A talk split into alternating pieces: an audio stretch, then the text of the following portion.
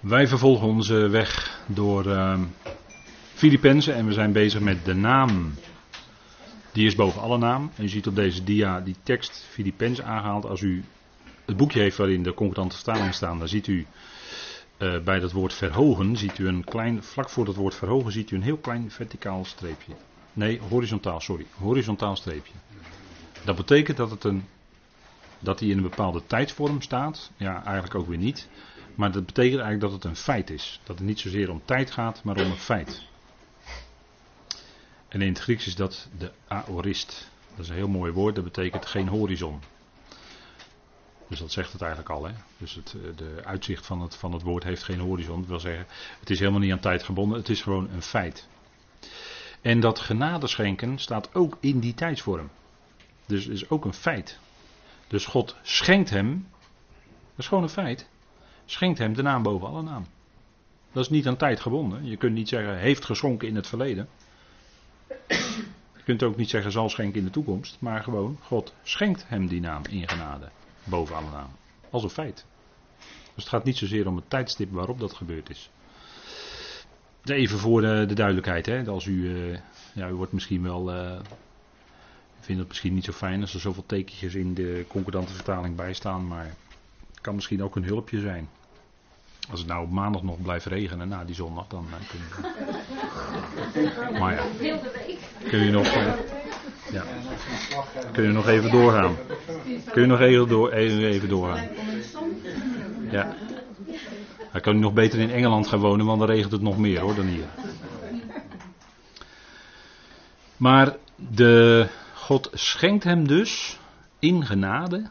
Dat is een heel mooi woord. Dat is, uh, daar zit het woord garis dus in, hè, in het werkwoord. Dat is heel mooi. God schenkt.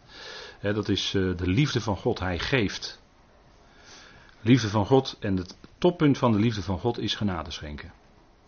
De toppunt van de liefde, als de liefde van God, als je die werkelijk in werking wil zien, hè, dat is altijd, de liefde van God is altijd dynamisch, dan is dat genade schenken. Dat is wat het dichtste bij Gods hart komt, dat hij genade schenkt. Dan zijn we er echt hoor, dat is ook het hart van het evangelie. Denk erom dat Paulus fel was hoor in die gelaten brief. Jongens, jongens, jongens, wat was hij daar fel. Nou, het ging om de genade. En dat is terecht. En daar kan je alleen maar dankbaar voor zijn voor zo'n brief. Maar God schenkt hem in genade, de naam die is boven alle namen. En dat is natuurlijk fantastisch. Hè? God verhoogt hem en God schenkt hem die naam boven alle naam.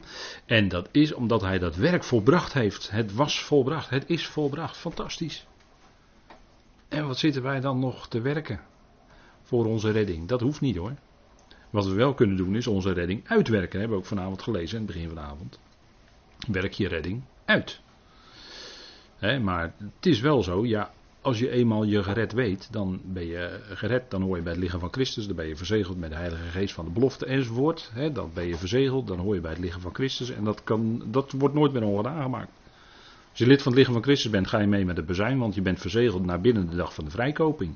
Dus dan gaan we allemaal, alle leden van het lichaam van Christus, die gaan mee. Hè? Dat is heel anders dan in een vereniging, want daar heb je ereleden enzovoort. Maar dat heb je bij het lichaam van Christus niet. Daar heb je geen ereleden. Dan heb je gewoon allemaal leden. En dat is gewoon één geheel, hè? dat is één lichaam. En dat hele lichaam wordt bij de bazuin van God weggenomen van de aarde. En dat is dan ook een geweldige eenheid. Hè? En die eenheid van de geest, die zouden wij bewaren, want we zijn allemaal verzegeld met diezelfde geest, Heilige Geest. Dus in elk lid van het lichaam is die geest al aanwezig. Dus die eenheid van de geest die is er al. Die hoeven wij niet te maken, maar die zouden wij bewaren, zegt Paulus dan ook in Efeze 4. Met de band van de vrede. En dan begint hij met zachtmoedigheid, Geduld. Eerste woord is ootmoedigheid. Hè? Eerste woord, Efeze 4. Als het gaat om onze wandel. Ootmoedigheid. Ootmoedige gezindheid, zachtmoedigheid en geduld. Dat zijn de eerste drie begrippen. En als je heel lang met elkaar optrekt als gelovigen, dan weet je dat het heel hard nodig is. Om elkaar ver te kunnen dragen. Dan heb je zachtmoedigheid nodig hoor. En geduld met elkaar. dan hou je lang met elkaar de moed erin, zegt het Griekse woord dat spreekt over uh, macro. macro is groot, micro is klein, macro is groot. dat is macro, dat is groot, moedig zijn eigenlijk. Of heel lang met elkaar er de moed in houden. Dat, is niet, uh, dat is geen carnavalslied van Holla Die. Maar uh, dat is de moed erin kunnen houden. Waarom? Hoe werkt dat dan? Hoe kun je dan geduld met elkaar hebben? Vrucht van de geest. Geduld met elkaar hebben. Zachtmoedigheid. Ootmoedige gezindheid. Hoe kan dat? Als je voor elkaar bidt. Als je voor elkaar bidt. Ja, maar ik heb het zo moeilijk met die en die. En die en die, die doet de hele tijd zo. En. Uh, idee. Ga eens voor diegene dan bidden met wie, jij, met wie jij het zo moeilijk hebt. Want het geheim ligt daarin. Dat jij door je gebed niet die ander verandert. Maar door dat gebed verander jij. En dat is het punt. Want jij wil graag dat die ander verandert met dat onhebbelijke gedrag. Maar het zou best eens kunnen zijn dat God bedoelt dat jij verandert in je houding naar die ander toe. Kijk, dat is ootmoedigheid ook. Dat is ook ootmoedigheid, maar dan heel praktisch uitgewerkt. Hè? En, en dat is een punt. En even nog over die Corinthiërs. Ik vermoed dat de Corinthiërs over en weer niet zoveel voor elkaar gebeden hebben. Denk ik, denk ik. die waren nog onmondigen in Christus enzovoort, kleine kinderen eigenlijk. ze gedroegen zich als kleine kinderen. Soms uh, stampvoetend. ik wil niet bij die groep horen, ik wil in mijn eigen groep zijn. lijken net, uh, lijken net kleine kinderen, lijkt net het schoolplein van de basisschool. Eerste, eerste klasse dan van de basisschool. zo waren die Corinthiërs ook bezig. En, en ja, dat is natuurlijk moeilijk. Hè? Als je elkaar natuurlijk zo goed kent na 30 of 40 jaar in de gemeente. Ja, dan, dan is het moeilijk, want dan ken je elkaar door en door. Maar dan is het zaak om uh, dat, dat gebed voor elkaar te hebben. En uh, dan, dan kun je wel met elkaar lang de moed erin houden. Dan wel. Want dan gebeurt er iets bij jou van binnen. dan maakt God jou iets duidelijk en dan werkt God in jouw hart als je bidt. En dat is, uh, en dat is, dat is zo'n geheimpje wat we af en toe weer eens tegen elkaar moeten zeggen, denk ik. Maar die naam die is geweldig, hè. Die naam is in het Hebreeuws Yeshua of Jehoshua. En in het Grieks is dat de naam Jezus. Dat is de naam die hoort, en dat moeten we ook zeggen, bij zijn vernedering. Want u kent natuurlijk wel dat er gesproken wordt over Jezus Christus maar ook over Christus Jezus. Dat, dat is een belangrijk verschil. dat, dat kun je niet wegpoetsen. Kun je niet zeggen dat is allemaal hetzelfde. Nee, nee, nee, nee, nee. Paulus doet dat heel bewust. als het gaat om Christus Jezus, gaat het om Hij die verhoogd is aan de rechterhand van de Vader. Gaat het om Jezus Christus, dan is het Hij die op aarde vernederd is en die de Messias werd. Petrus kondigde dat ook aan, dat God hem tot Heer en tot Christus, tot Messias had gemaakt. Die Jezus, zegt hij dan, die jullie kruisigde, hè, duidt op zijn diepe vernedering aan het kruis. Dat is die naam. Hè. Maar in die naam, daar, daar zit geweldig, want toen hij geboren zou gaan worden, en uh, ja, volgens, uh, um, ja, ik, ik, ik, ga geen namen noemen, maar volgens um, geleerde mensen uh, kon het niet dat Maria zwanger was van de Heilige Geest. Maar het staat wel in de Bijbel. En het is ook zo geweest. Het is ook zo geweest. En daaruit werd hij, geboren, die lang was aangekondigd door de profeten. En we hoeven dat niet eens te bewijzen hoor, uit Jezaja 7, want er staat zo'n tekst die misschien in die richting duidt, maar dat is nog een beetje moeilijk als je de Hebreeuwse woorden daarna gaat. Jezaja 7 vers 14. Daar wordt meest, in de meeste Bijbels naar verwezen, in deze tekst. Maar kijk, Matthäus, het getuigenis van Matthäus, wat hij heeft geschreven, is al voldoende voor ons. Hè? Waarin duidelijk wordt vastgesteld dat Maria zwanger was uit de Heilige Geest. Laten we even met elkaar lezen, want dat staat daar een paar keer.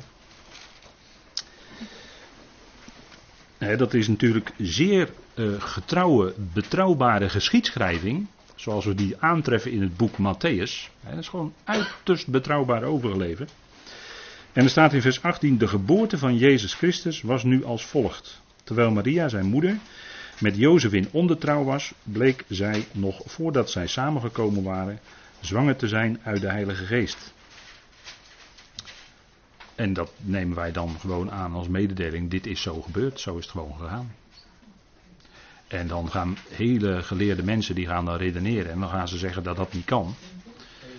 Uh, sorry, Matthäus 1 vers 18. Matthäus 1 vers 18.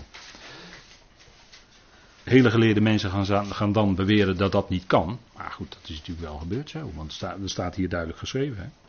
Jozef, haar man, wilde haar onopgemerkt verlaten omdat hij rechtvaardig was en haar niet in het openbaar te schande wilde maken. Hij was een rechtvaardig mens, die wilde uh, wijs handelen in, op dat punt. Terwijl hij deze dingen overwoog, zie, een engel van de Heer verscheen hem in een droom en zei, want hij heette Jozef en de meeste Jozefen gaan dromen in de Bijbel. Jozef, zoon van David, wees niet bevreesd Maria, uw vrouw, bij u te nemen, want wat in haar ontvangen is, is uit de Heilige Geest. Dus dan heb je de tweede keer hè, dat het gezegd wordt. En zij zal een zoon baren, en je zult hem de naam Jezus geven, want hij zal zijn volk redden van hun zonden. Dat is ook de tekst die ik hier op deze dia heb aangehaald, vers 21. Daar gaat het om de naamgeving. Hoe moet hij heten? Je zult hem de naam Jezus geven, want hij zal zijn volk redden van hun zonden. Dat is wat, dat is wat primair zijn missie was. Hè? Hij kwam tot het zijne om hen te redden van hun zonden. En wat was de hoofdzonde van Israël? Wat was de hoofdzonde van Israël? Ongeloof, ja, ongeloof. En daar kwam heel veel uit voort, alle afgoderijen enzovoort enzovoort. Maar hij kwam om zijn volk te redden van hun zonden. En hij deed dat uiteindelijk, ja, dat gold ook voor Israël via het kruisen. En dat is wat, daarom heette hij Jezus. En dan wordt er dat woord redden gebruikt, dat is een heel mooi woord. dat is in het, eh, in het Grieks ehm, in veiligheid brengen onder andere, redden van hun zonde, uh, zodat je uh, bewaard wordt voor die zonde in het vervolg. Hè, dat, dat, op die manier werkt de redding natuurlijk ook in ons leven uit. Hè, de redding is niet alleen dat wij met de bazuin de Heer tegemoet gaan, dat is ook een moment van redding. Maar redding is ook nu in ons dagelijks leven. Dat is ook de redding. Praktische redding is dat wij dood zijn voor de zonde en leven voor God in Christus Jezus. En dat we ons lichaam stellen voor Hem. En niet langer in dienst van de zonde. Dat is ook redding. En dat is de praktische uitwerking vandaag voor u en mij als gelovigen. dat we niet langer wandelen in zonden, maar dat we wandelen uh, tot eer van Hem. In die kwaliteiten die de geest geeft. in uh, liefde, vreugde, vrede, geduld, zachtmoedigheid, geloof, uh, inhouding. Hè, daar eindigt het rijtje dan mee. Inhouding. dat je inhoudt. Dat je niet, uh, niet je, de woorden uit je mond laat rollen als die uh, niet prettig zijn voor de ander. Maar dat je je inhoudt bijvoorbeeld. Hè? Ja. Kijk, net zoals je bij, bij een kind. Hè, dat kind. heb je wel misschien eens een neiging om een tikje te geven. Maar dat doe je niet. En dan doe je het met woorden. En zo, maar met mensen dan als je, de mensen, als je een ander mens een tik wil geven met je woorden, dan kan je misschien beter je woorden inhouden. En op nadenken van, joh, wat wil ik nou eigenlijk zeggen? Maar ja, we zijn dan vaak zo snel met de tong, hè, de Jacobus. Jacobus heeft daar toch wel eens iets over gezegd, hè, Jacobus? De tong, ja. Moet je maar eens nazoeken. Er staat ergens in Jacobus iets over de tong. Dat is een lid, hè? net zoals een roer een schip stuurt, zo stuurt de tong ook de mens. Moet je maar eens nalezen. Maar daar kun je ook van gered worden, van die, eh, van die tong die allerlei eh, insinuaties eh, pleegt enzovoort dat, dat je een goed woord spreekt tot opbouw voor degene die het horen. En dat is ook een stukje redding. In je woorden die je spreekt. Wat je zegt tegen de ander. Daarin komt ook die redding door als je goede woorden spreekt tot opbouw. en niet uh, de ander beschadigt door je woorden. Dat soort dingen. dat is ook redding. Nou, Jezus kwam om zijn volk te redden van hun zonden. En natuurlijk Paulus spreekt daar later over in Timotheus. Dan zegt hij dat Christus Jezus in de wereld gekomen is om zondaren te redden. In het algemeen, hè, zondaren, alle zondaren. Dus al die Adam-mensen. U en ik dus. Al die zondaren om die te redden. En die missie van hem, die slaagt glansrijk hoor. Absoluut. Tot en met de allerlaatste aan toe, ja, die ook. Want God, uh, Jezus zag ook, Jezus zag Zacchaeus zitten in die boom. En die zei, Zacchaeus, uit die boom, moet vandaag met jou in het huis zijn. Iedereen liep langs Zacchaeus. Was tollenaar en uh, klein en zat achter die bladeren enzovoort. Jezus niet, Jezus had hem op het oog. Hij zag hem. Zacchaeus, ik moet vandaag bij jou in je huis zijn. Jij bent de zoon van Abraham. Hij zag hem niet over het hoofd. Zo ging Jezus met mensen om dat wat veracht is en wat in, in de hoek staat, dat laat Jezus niet staan hoor. Nee, nee. Die ziet hij juist. He, degene die van zichzelf denken van, oh ik ben maar heel klein, ik kruip maar weg in een hoekje. De Heer ziet je en hij heeft je lief. Zoals die Zacchaeus ook lief. en de blinden die zaten aan de weg. En de discipelen zeiden, ach Heer loop toch voorbij. Nee, nee, nee, hij bleef stilstaan bij die blinden. Want hoewel ze letterlijk blind waren. Ze konden niet kijken. Hè? Die zouden geen hulp hebben aan het bekende grote brillenfirma's die op adverteren. Nou, ik dacht de namen natuurlijk niet zeggen. Die zouden daar geen hulp aan hebben. Maar geestelijk gezien hadden ze wel door wie hij was hoor. Zonen van David. Red ons, zeiden ze. Zoon van David. Ze wisten wie die was. Hoe blind ze ook waren, letterlijk gezien. Maar geestelijk hadden ze zicht. En de Heer laat ze niet zitten. En zo laat de Heer ook zijn volk uiteindelijk niet zitten in, zijn, in hun blindheid. Dan hadden we het eerste deel, had ik het even daarover. Hij zal die verblinding opheffen van het volk. En dan zullen ze zien wie ze doorstoken hebben. Ja, ja. Dan is de blindheid opgeheven. Dan doorzien ze het ineens. En dat is ook wat je als gelovige doet. Dat is ook een stuk redding. Daar ga je anders kijken. Daar hebben we wel eens met elkaar over gehad, kort geleden. Je gaat anders kijken als gelovige. Je hebt verlichte ogen van het hart. En als je bidt voor die ander, ga je ook anders naar die ander kijken. Dan ga je met verlichte ogen van het hart meer kijken naar die ander. En die ander meer ook zien in Gods licht. die ander is net zo in Christus als jij. En net zo onbeschuldigbaar als jij. Als het gaat om andere leden van het lichaam van Christus. Nou, kijk, dat is ook een stukje van die redding. Kijk, dat woord redden, dat heb ik hier op deze dia gezet. Dat is in het Hebreeuws hoe je het uitspreken moet is altijd moeilijk, maar laat maar zeggen Yasha. En dat is eigenlijk heel mooi, want dat is eigenlijk de functie. Hè, dat woord heeft eigenlijk te maken met, als je in Israël kijkt, hè, waar die Hebreeuwse taal heel erg uh, altijd is geweest en nog steeds is. Dat is de functie eigenlijk van een herder. Die kijkt, want die laatste letter, dat is eigenlijk de oog, dat is de ayin, dat is de oog. Die herder die kijkt naar datgene wat de kudde wil verscheuren die kijkt of er beren of leeuwen of wolven op de weg zijn. En dan zal die herder die kudde bewaken, beschermen. Dan zegt hij tegen die kudde hierheen. Ik ga je brengen naar goed voedsel. En ondertussen, die schaapjes die, die, die, vermoeden dat niet zo, maar die schaapjes worden dan tegelijkertijd weggevoerd van die wolven en die leeuwen en die beren. Kijk, dat, is, dat doet een herder. En, en daarom zou iemand die uh, ja, Paulus heeft het over evangelisten, herders en leraars. Nou, heb ik u al verteld wat dan een herder doet. Hè? Die bewaakt, hè? die kijkt met de ogen, dat is ook wat een opziener zou doen. Hè? Opziener, daarin zit ook het woord van zien. Hè? Dat is uh, meer dan alleen gewoon zien, maar dat is echt goed kijken. Echt aandachtig de dingen bekijken, om te kunnen zien wat er aan de hand is. En op basis daarvan biddend handelen. Dat doet een opziener. Maar dat is een hele specifieke functie binnen, het, binnen een plaatselijke gemeente. Een opziener is altijd een oudste. Maar een oudste is niet altijd een opziener. Dus dat kan je niet één op één met elkaar uh, draaien. Hè. Maar het is wel heel belangrijk. Hè. Dat yasha, hè, dat is dus een hele belangrijke, heel belangrijk woord. En in het Grieks is dat ook in, in, in veiligheid brengen. Die, uh, ik heb net dat beeld gebruikt van een kudde kudde schapen in veiligheid brengen hè, voor, die, uh, voor die wolven die met hun tanden willen verscheuren. Dat is de shin, hè, dat is die letter shin, dat is de tand. Die willen die, die, die, kudde verscheuren, hè, maar die herder waakt daarvoor dat dat niet gebeurt. David was een goede herder, want die doodde bij gelegenheid eh, de wildste dieren. Hè? David. Dat was eh, de achtste zoon van Izee en die werd de herder. Dat is de geliefde. Dat, was een, dat was een echte goede herder. Dat had God natuurlijk al lang gezien. En vandaar dat David in plaats van Shaul koning werd. nou speel ik een beetje in het Hebreeuws met die naam hoor, Shaul, maar goed. Dat is wat de Heer zou doen. David was natuurlijk een type van de Heer. Hij is de grote David, zou je kunnen zeggen. De zoon van David, de erfgenaam.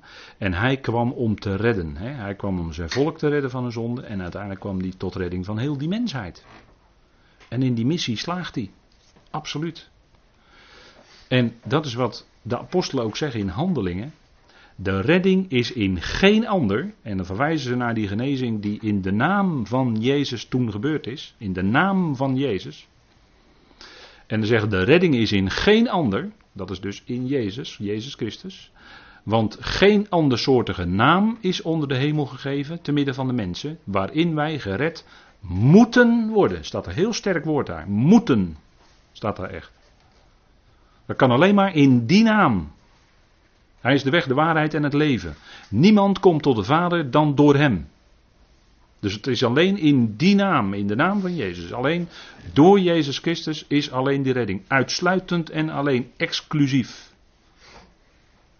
Geen enkele andere mogelijkheid. Alleen gered worden door die naam. Dat is wat de apostelen ook zeggen. En dat is wat natuurlijk in, het, in de hele schrift duidelijk naar voren komt. Hè? En aan hem is gegeven de naam boven alle naam, zegt Filippenzen. En Iets soortgelijks lezen wij ook in Efeze 1. Hè, want Efeze 1, dat onderwijs zou je eerst tot je nemen en daarna Filippenzen lezen.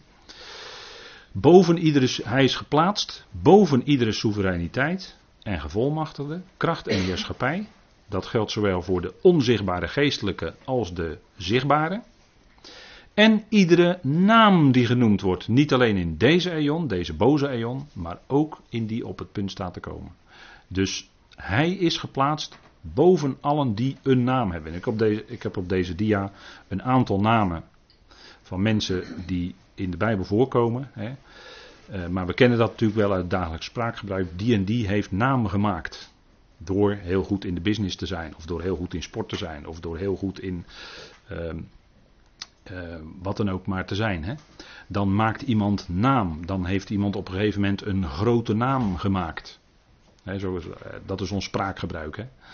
Nou, zo kennen wij grote namen uit het verleden, maar Christus Jezus staat daar ver boven. Hè. Hij is geplaatst boven al die krachten en machten, zowel onzichtbaar als zichtbaar.